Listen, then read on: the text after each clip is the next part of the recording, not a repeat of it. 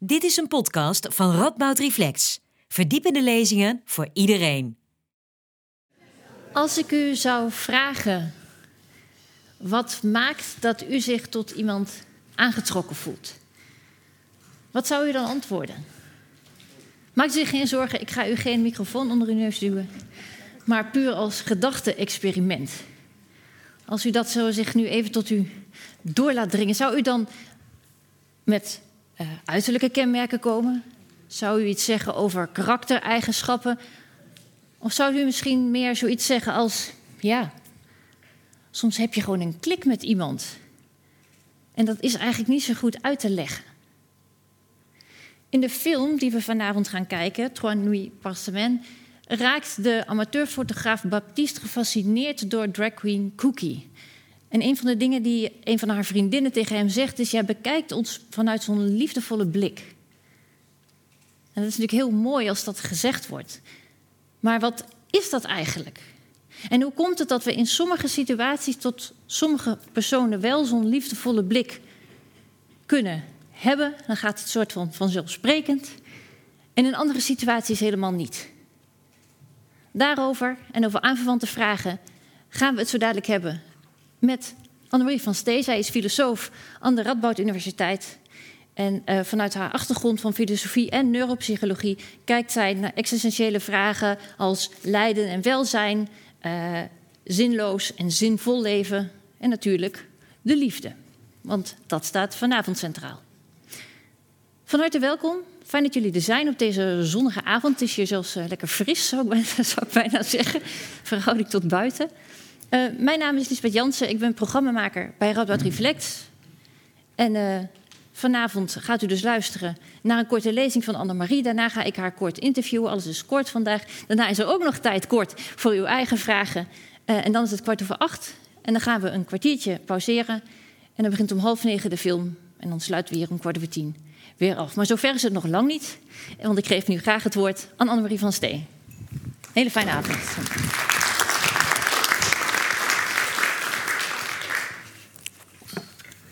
Goedenavond allemaal. Hoi, Tabita, kom erbij. Ja, dag uh, allemaal. Ik wilde ook beginnen met een paar vragen. Ik wilde eigenlijk, want ik wilde, en ik wilde wel even wat handen zien. Ik ga jullie ook geen microfoon onder de neus duwen, maar ik ben nieuwsgierig. Um, wie kent de ervaring dat liefde blind maakt? Dat je zelf niet echt zag wie het oog Gaat al helemaal vanzelf. Alle handen gaan omhoog. Goed. Um, maar dan een andere vraag. Ga eens naar een ervaring van je echt gezien voelen. Je echt gekend weten. Was het toen iemand die met een liefdevolle blik naar je keek? Was dat de context waarin, deze ervaring, eh, waarin je deze ervaring opdeed? Of was het meer juist een afstandelijke blik die maakte dat je je gezien kon weten? Wie zegt uh, liefdevolle blik? Dat is toch bij. En wie zegt juist meer een afstandelijke blik? Ja, boeiend. Een, een kleine minderheid, maar duidelijk aanwezig. Vijf mensen. Goed. Ik word uh, gefascineerd door uh, de liefde, uh, filosofeer daarover, verschillende aspecten daaraan. Um, de verhouding tussen liefde en autonomie, tussen liefhebben en jezelf zijn. Vanavond wil ik het met jullie hebben over de liefdevolle blik. En eigenlijk omdat ik de trailer van de film heb gekeken. Um, en daarin ontmoeten we inderdaad de fotograaf Baptiste. Het is zijn werk om goed te kijken. Daar is hij in getraind. En een van de mensen die hij fotografeert, of die, inderdaad die vriendin die door de foto's kijkt, die zegt dan: Zo zien we uh, uh, de drag queens eigenlijk nooit. Jij fotografeert ze met zoveel liefde. Nou ja, ik denk dan: oké, maar wat, wat is dat dan? Wat is die liefdevolle blik? Want laten we wel wezen, ik, ik ben geen fotograaf. De meeste van jullie zullen ook geen fotograaf zijn. Met liefde kijken en zo aandachtig kijken als een fotograaf uh, kijkt. Dat doen we doorgaans niet, denk ik. We zijn te druk. uh, ja, we gebruiken soms gewoon liever stereotypen, dat werkt sneller. Uh, en voor sommige groepen weten we ook, al is het een ongemakkelijk, het is ongemakkelijk om dit te weten, voor sommige groepen gebruiken we die stereotypen sterker dan voor anderen. Um, en drag queens zoals Cookie hebben daar wel eens last van. Als mensen hen zien, kan het al snel aapjes kijken worden, in plaats van het zien van individuele mensen. Laten we eens een paar contexten bekijken uh, om te zien of we daar de liefdevolle blik tegenkomen. Nou, allereerst maar eens, waar zijn we op zoek naar liefde uh, tegenwoordig? Op dating apps. Ja, en wie we dan op die dating apps aantrekkelijk vinden, voor wie we naar rechts swipen in plaats van naar links, of uh, voor wie we openstaan, dat lijkt iets heel persoonlijks. Dat is iets heel persoonlijks, toch? Nou, er is inmiddels ook wetenschappelijk onderzoek naar gedaan. Er waren al wat onderzoeken door de app zelf, maar nu is er wetenschappelijk onderzoek gedaan. En het blijken heel duidelijke patronen te zitten in uh, de manier waarop mensen swipen. Uh, en het is uh, helaas ehm, dit is uh, onderzoek uit de VS en het is helaas uh, zoals je misschien al zou verwachten. de belangrijkste manier om te voorspellen of iemand naar links of naar rechts zal swipen is om door te zien um, welk ras degene heeft in de foto. Dus um, zowel witte als bruine als zwarte mensen um, staan open voor relaties met witte mensen. en er zijn beduidend minder witte en bruine mensen die openstaan voor een relatie met zwarte mensen, bijvoorbeeld. Er is een enorm verschil tussen hoeveel en naar links of naar rechts geswiped wordt, al naar gelang de huidskleur uh, van mensen. Daarnaast is ook gewoon hoe aantrekkelijk het uiterlijk is van de persoon in de foto. Ongelooflijk voorspellend voor of er naar links of naar rechts wordt geswiped. je kan dat soort aantrekkelijkheid laten reten door hele grote groepen mensen. Nou ja.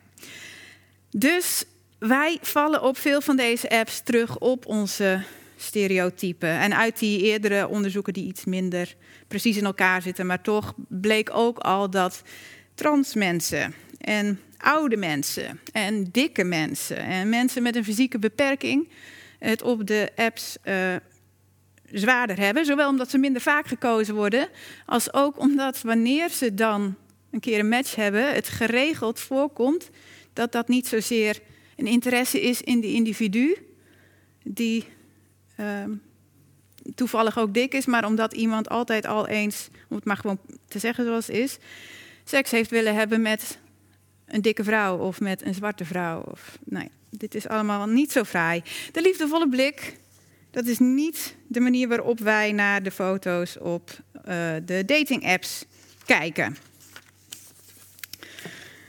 Nou, Vroeger was alles beter.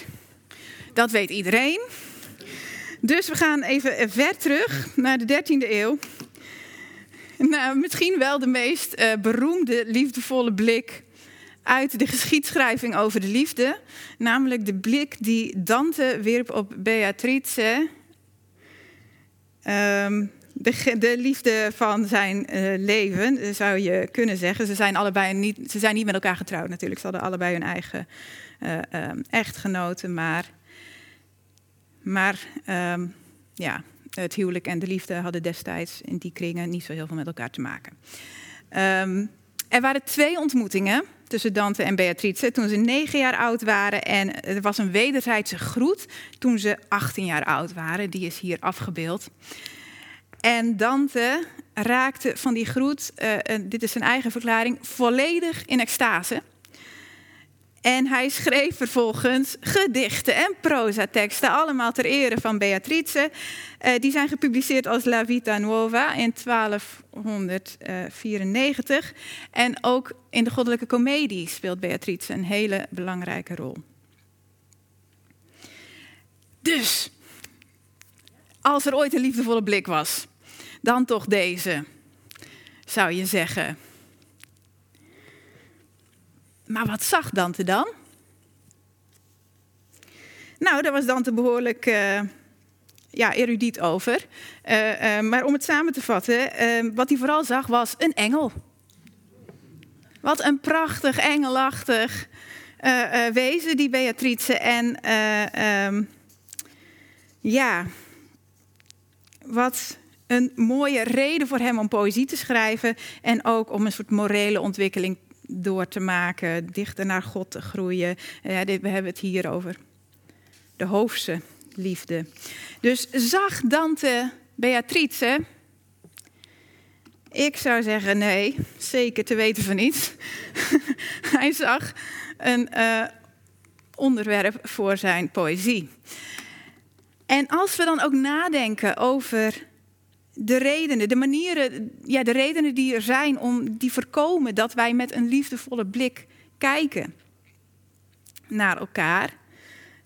Um, dan zijn dat er meerdere. En ik heb nu even dit, dus Dante en Beatrice, dat is een geliefd onderwerp in de schilderkunst. Dit is een andere afbeelding eh, van hen tweeën en die doet denk ik meer uh, recht aan wat die uh, ontmoeting was. Ze kijken elkaar niet eens echt aan. Het is niet duidelijk. Ja, er wordt hier een hand vastgehouden. Ik geloof dat dat in werkelijkheid niet heeft plaatsgevonden nou ja, in werkelijkheid weten we niet, maar zelfs volgens Dantes verklaringen niet heeft plaatsgevonden. Beatrice hoeft niet eens door te hebben gehad dat Dante naar haar keek.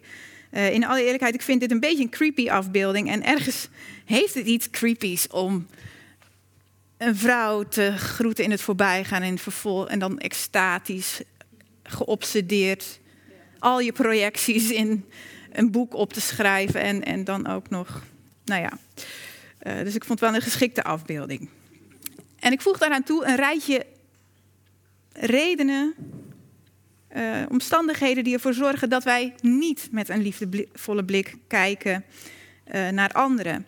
En de eerste twee zijn allereerst maar eens, we hebben met heel veel mensen geen contact natuurlijk. En dat, heb ik er even bij gezet, omdat het relevant is. Um, um, met betrekking tot die dating apps. En misschien ook met betrekking tot drag queens, zoals wij in de film uh, zullen zien. Um, wat we niet kennen, daar kijken we ook niet met liefdevolle blik naar. En dan kunnen we nogal gemakkelijk vasthouden aan onze stereotypische uh, ideeën.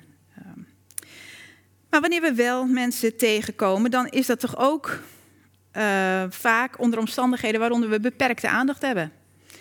Want we zijn nog uh, bezig met van alles en nog wat. We moeten nog zeker zeven items op onze to-do-lijst voor vandaag afvinken. En er moeten nog drie appjes verstuurd. Uh, en behalve dat we met andere dingen bezig zijn, zijn we ook erg druk met onszelf. Met zorgen, met piekergedachten. ja, mensen zijn druk met andere dingen, met zichzelf. Het is lang niet altijd makkelijk om überhaupt wel aandacht te hebben voor de ander die je tegenkomt. Daarnaast wanneer er wel aandacht is, dan is het heel gemakkelijk om te vervallen in, in die stereotypen, die ik nu al een paar keer heb genoemd. Je kunt projecteren wat je wil aan eigenschappen op een ander die overeenkomen met de stereotypen uh, uh, die je hebt. En je kunt selectief blind zijn voor eigenschappen die daar niet aan uh, voldoen. En dat is ergens zo pijnlijk aan die dating apps data dat we daar zo duidelijk terugzien dat bepaalde stereotypen over wie er wel aantrekkelijk zijn als partner in een relatie en wie niet, zo duidelijk um, ja, terug te zien zijn in de data. Daar. Dan daarnaast staat ook de eigen behoeftes en verlangens heel vaak in de weg van het werkelijk kunnen zien van een ander. We zetten anderen maar al, soms maar al te graag instrumenteel in. Uh, Dante, die was op zoek naar een engel. Die wilde poëzie gaan schrijven. Dat, die, die leeft in die hoofdse traditie waarin hij dan een vrouw nodig had een, een, uh, als aanleiding daarvoor. En de laatste die ik nu even wil noemen is uh, eentje die we denk ik ook maar al te goed kennen: emotionele zelfbescherming. Verdedigingsmechanieken. Als we werkelijk openstaan voor de anderen die we tegenkomen, ja, dan gaan die ons niet koud laten natuurlijk. Als we werkelijk met een liefdevolle blik willen kijken, ja, dan zullen we dingen zien uh, die ons ontroeren, die ons van ons stuk kunnen brengen, die ons uit het lood kunnen slaan. En dat is eng. En daar hebben we verder ook helemaal geen tijd voor vanwege die to-do-lijst enzovoort. Goed. Maar als dit allemaal in de weg staat, wat is dan die liefdevolle blik nou nog wel? Ik heb uh, Iris Murdoch meegenomen uh, vanavond, omdat voor in haar werk um, het idee van liefdevolle aandacht echt centraal stond. En zij zag dat ook als belangrijke weg naar moraliteit, naar het worden van een beter mens. En uh, zij schreef onder andere: Love is the perception of individuals. Dus liefde is juist de waarneming van individuen. Geen types, gewoon zwarte vrouw. Nee, laat staan stereotypes. Hè? Nee, individuen in al hun complexiteit. En ze schreef ook: uh, Love is the extremely difficult realization that something other than oneself is real. Liefde is het ontzettend, de ontzettend moeilijke realisatie dat iets anders dan jijzelf echt is. Ja, dus het gaat bij de liefdevolle blik, volgens Murdoch, altijd om het zien van de andersheid van de ander. die ander zit echt anders in elkaar dan ik. En die ander, die zit ook echt anders in elkaar dan mijn beeld van hem of haar. En mijn beeld van de wereld komt niet overeen met het beeld dat die ander heeft. Dat is werkelijk een andere manier van kijken naar de wereld die hij of zij heeft. En al dat anders zijn van de ander werkelijk tot je door laten dringen. En dan niet bang worden. En niet wegrennen. En niet boos worden. En niet dichtgaan. Op wat voor manier dan ook. Maar open blijven open durven blijven, nieuwsgierig durven blijven en kijken, heel aandachtig kijken naar de andersheid van de ander. Dat is de liefdevolle blik. Volgens Murdoch. En het tegenovergestelde daarvan is de gehechtheid aan het zelf. Ja, zij heeft het over de fat relentless ego. In the moral life The enemy is the fat, relentless ego. Dus in het morele leven is de vijand dat dikke, onophoudelijke, meedogenloze ego. Ja, die de aandacht gevangen houdt bij het zelf. Die gevangen zit in bestaande manieren van kijken, in stereotypen, die dat ook lekker veilig vindt en daar graag aan vasthoudt. Dat ego heeft grip en beheerst de boel met het tegenovergestelde van de liefdevolle blik. Hoe kom je nou natuurlijk de million dollar question, van ego naar de liefdevolle blik. Ja. Nou, er zijn mooie anekdotes uh, in het werk van uh, Murdoch, of niet anekdotes, maar gewoon voorbeelden. Voorbeelden die, ze gebruikt om te tonen hoe dat kan gaan. Een voorbeeld, uh, het bekendste, is van een schoonmoeder en een schoondochter. Een schoonmoeder die eigenlijk vindt dat haar zoon een beetje beneden zijn stand is getrouwd. Dit is een heel, het is een heel Brits, uh, Brits voorbeeld. Uh, dus ze vindt haar schoondochter eigenlijk een beetje ordinair. Ze is heel luid. Uh, ze is, ja, ze, ze, mist een stukje beschaving. Nou ja, ze heeft er nogal oordelen over. Maar ze houdt ook van haar zoon. Hij is met die vrouw getrouwd. Ze zullen samen door het leven moeten. Ze denkt bij zichzelf: ja, ik ben ook wel een beetje ouderwets. Laten we wel wezen. Ik ben misschien een beetje. Ja, laat ik er nog eens goed naar haar kijken. En dan leert ze langzamerhand zien dat haar schoondochter niet vulgair is en luid, maar spontaan en vrolijk. Um, ja, ze leert wat ze ziet op een liefdevollere manier uh, interpreteren.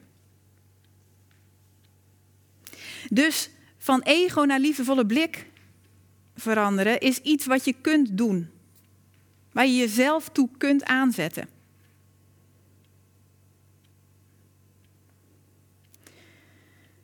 Maar het is ook iets dat kan gebeuren.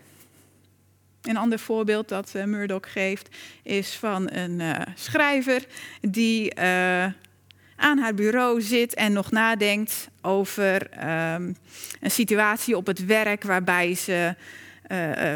weet je, een soort vergadering waarbij ze vervelend, vervelende opmerking naar zich toe kreeg. En ze zit nog te denken over hoe ze eigenlijk had moeten antwoorden. Ze, ze werkte een deel van de, van de leven aan de Universiteit van Oxford. Um, ja, dus je kunt je de situatie voorstellen, het maalt door je hoofd. Ik had zus of zo moeten antwoorden in die situatie. En dan ineens ziet ze daar uit het raam boven haar bureau een torenvalk vliegen. En dat gebeurt bijna nooit. En dat doorbreekt iets. Daar is ineens dat ego niet belangrijk omdat die aandacht gewoon getrokken wordt door wat er te zien blijkt. Dan gebeurt even die beweging van ego naar liefdevolle blik. Daar heb je dan niet zelf de hand in, al kun je jezelf wel in situaties zetten, misschien, waar het, waarin het waarschijnlijker is uh, dat zoiets gebeurt. Je kunt op vakantie gaan. Even weg van alle beslommeringen en gedachten aan vergaderingen.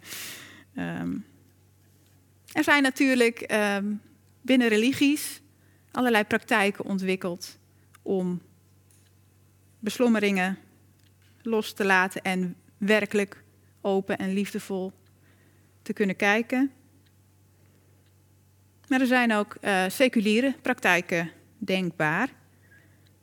Er zijn meerdere manieren waarop je jezelf kunt dwingen om met meer aandacht uh, te kijken. Je kunt tekenen. Je kunt misschien ook uh, gaan fotograferen. En dat brengt ons terug bij Baptiste. In de film van vanavond, die ik niet heb gezien, alleen de trailer. Ik ben heel benieuwd ook zo. Uh, ja, Baptiste hier in deze scène wil een foto maken van Cookie zonder dat ze het in de gaten heeft. Maar ze draait zich om, ze ziet dat hij een foto wil maken en ze zegt iets. Ze, ze kijkt terug en ze praat terug. En hij doet zijn apparaat, zijn fotoapparaat, even naar beneden. Die liefdevolle blik, denk ik, anders dan wat Dante deed, is met Murdoch openstaan voor de andersheid van de ander en dus de ander laten terugpraten. De liefdevolle blik is juist ook een liefdevol oor, wat dat betreft.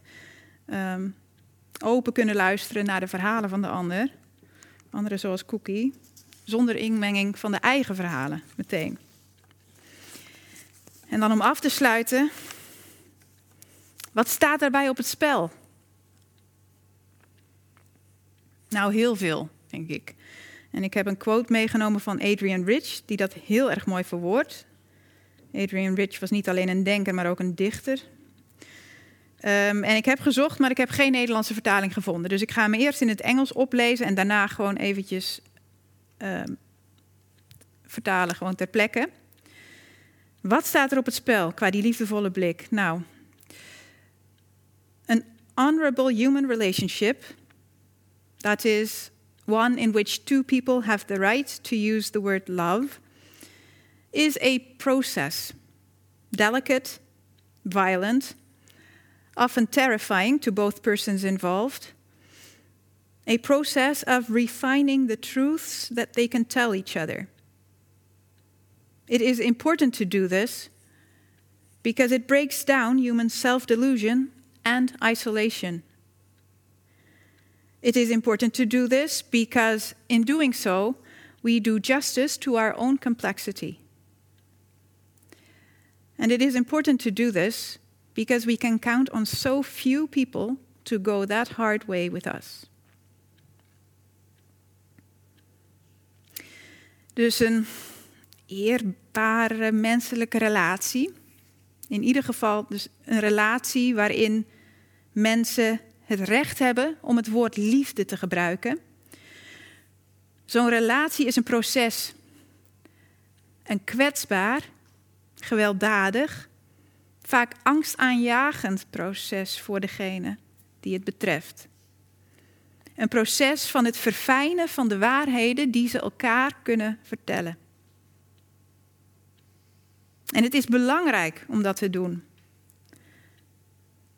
Want dat breekt de ja, barrières van de menselijke, het menselijk zelfbedrog. De illusies die we hebben over onszelf af. Maar ook onze eenzaamheid, onze isolatie. Het is belangrijk om dit te doen, want op die manier doen we ook recht aan onze complexiteit. En het is belangrijk om dit te doen, omdat we er maar zo weinig mensen uh, zijn die die moeilijke weg met ons willen gaan. Ik vind het een prachtige quote. Misschien praten we er zo nog over verder. Ik uh, heb begrepen dat de film ook wel een heel lichte film is. Dus of dit allemaal in de film zo duidelijk naar voren komt, dat zien we straks uh, vanzelf. Uh, voor nu, dank jullie wel.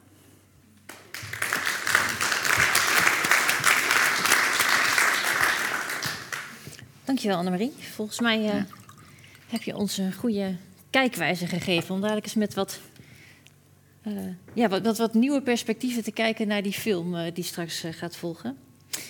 Ik heb inhoudelijke vragen aan jou, maar ik dacht, hè, dit is het thema waarbij iedereen natuurlijk ook gewoon een beetje human interest wil. Dus de liefde, waarom is dat een thema wat jou fascineert?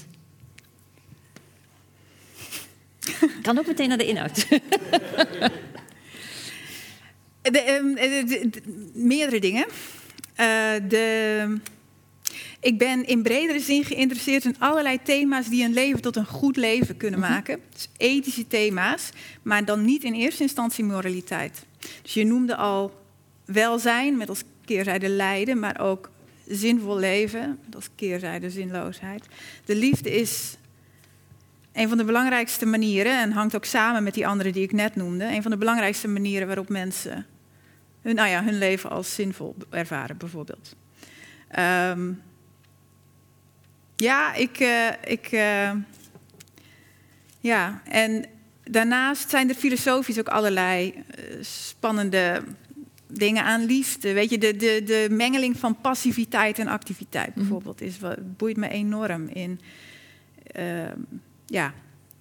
En, maar wat is het dan dat zeg maar uitgerekend de liefde maakt of wij ons leven als zinvol of minder zinvol ervaren? Het, het is, uiteindelijk eh, gaat het denk ik over wat Adrian Rich. Maar goed, nee. Eh, de, het, uh, het opgesloten zitten in onszelf, de mhm. isolatie, mhm. de eenzaamheid, mhm. waarin we zo vaak en waarin zoveel en waarin we allen zo vaak verkeren, die, het is de liefde die die opheft. en ik denk dat we in verbinding vaak zin ervaren. Of en dat zinloosheidservaringen uh, vaak ervaringen zijn van een gebrek aan verbinding tot anderen of ook in bredere zin tot, uh, tot het leven. Ja. ja.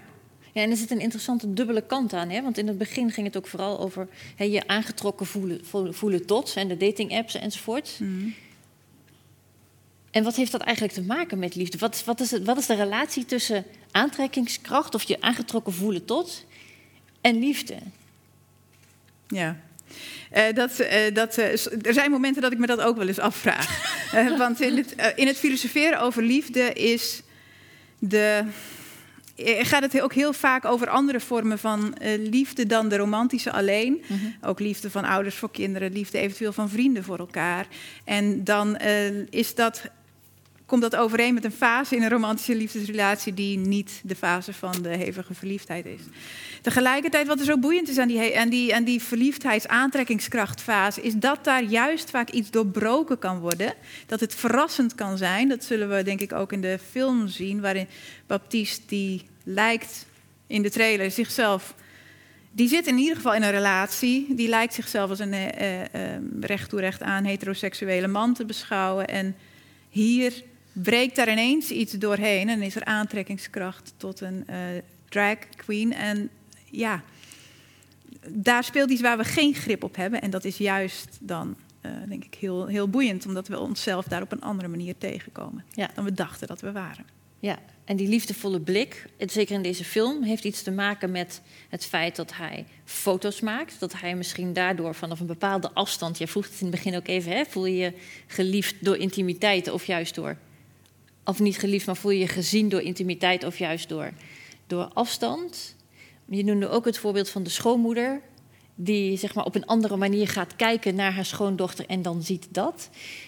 En toen dacht ik, ja, maar in een in de normale werkelijkheid, zeker als het gaat om liefdesrelatie, ben je vaak veel met iemand samen.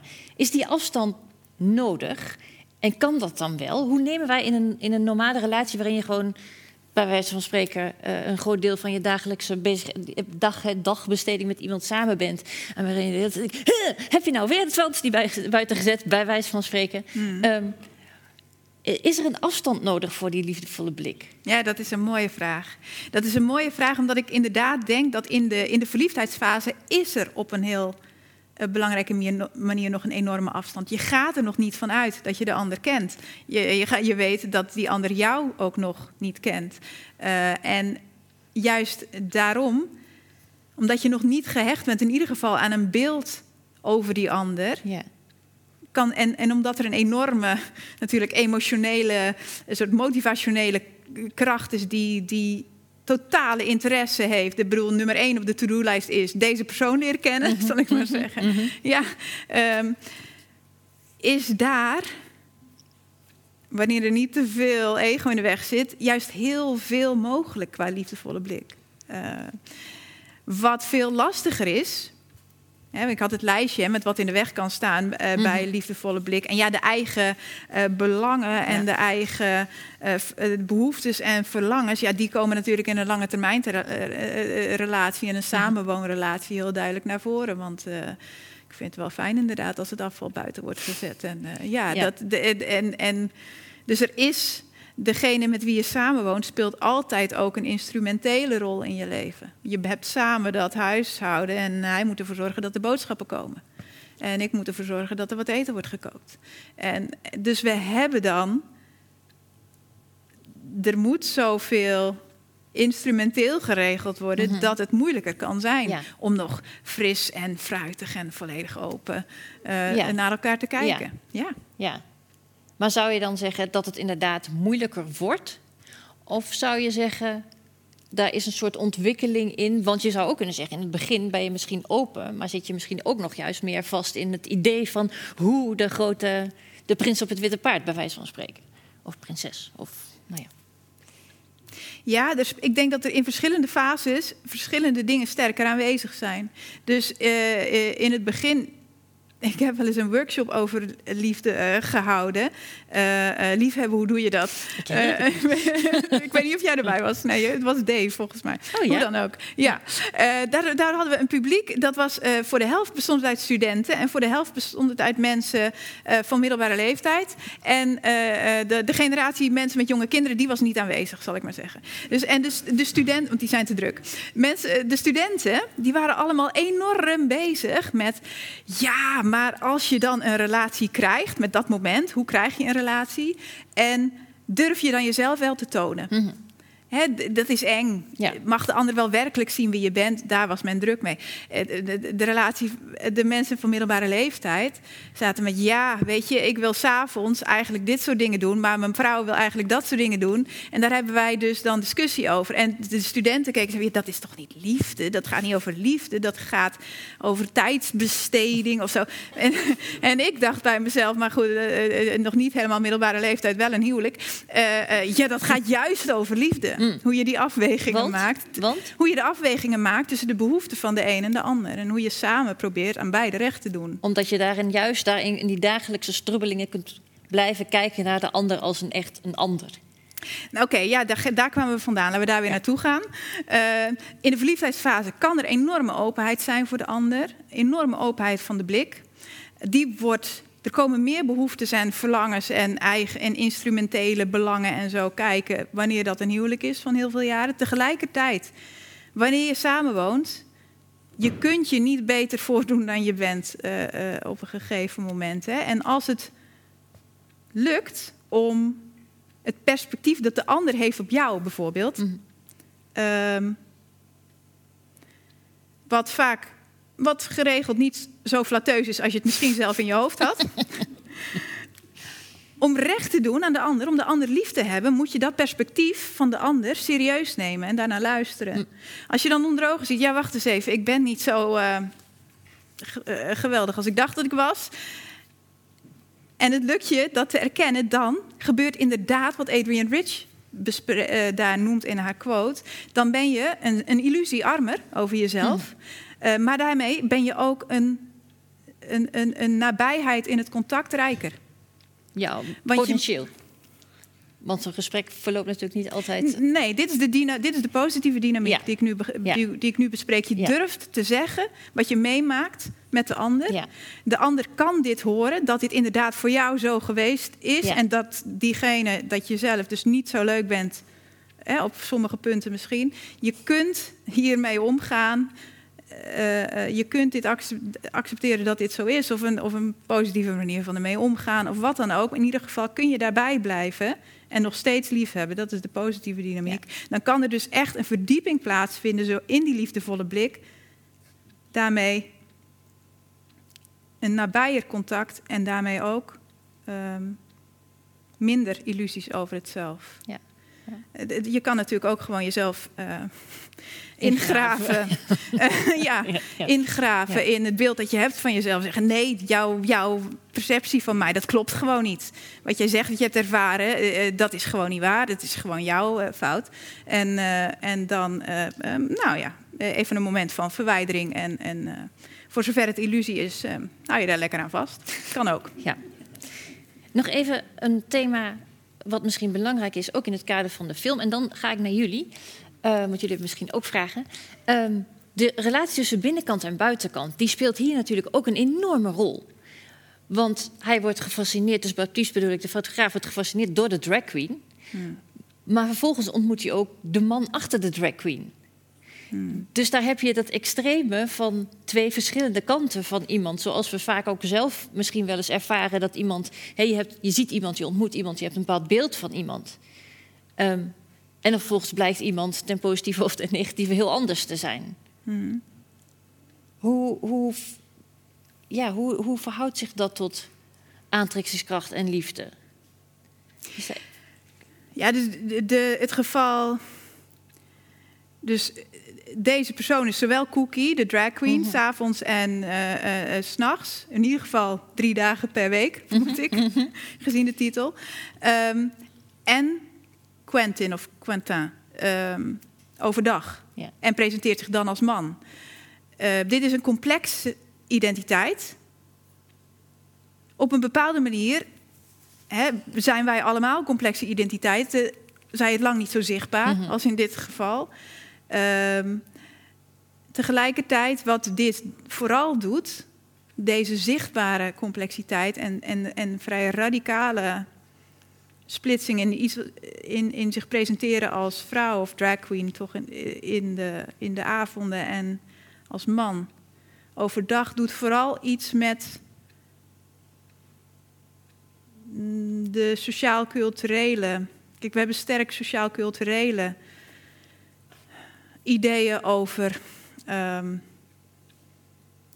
ja, over, over, over seksualiteit bijvoorbeeld en over mhm. seksuele aantrekkingskracht. Als Baptiste een uh, uh, heteroseksuele man is, ja, dan kan dat misschien nog met de drag queen, maar hoe zit het dan met Quentin? En um, dat, dus daar, in die dimensie, wordt die relatie heel complex, want die gaat tegen um, culturele normen in. En daar is het heel tegen anders. Je eigen, tegen de, je eigen en tegen je eigen ideeën over jezelf. Ja, zeker. Ja. En daar is het echt anders dan de complexiteit die wij allemaal in ons hebben. En de tegenstrijdigheden ook, zij het niet zo zichtbaar als hier. Ja. We gaan een kwartiertje pauzeren. En als u dan weer eh, gezellig terugkomt, dan gaan we kijken naar de film. En u bent nu, dat vond ik heel fijn, wat vooraan komen zitten. Want dan kunnen we hier makkelijker met elkaar praten. Maar dadelijk wilt u misschien liever wat meer naar achter vanwege het beeld. Tot straks. Dank u wel.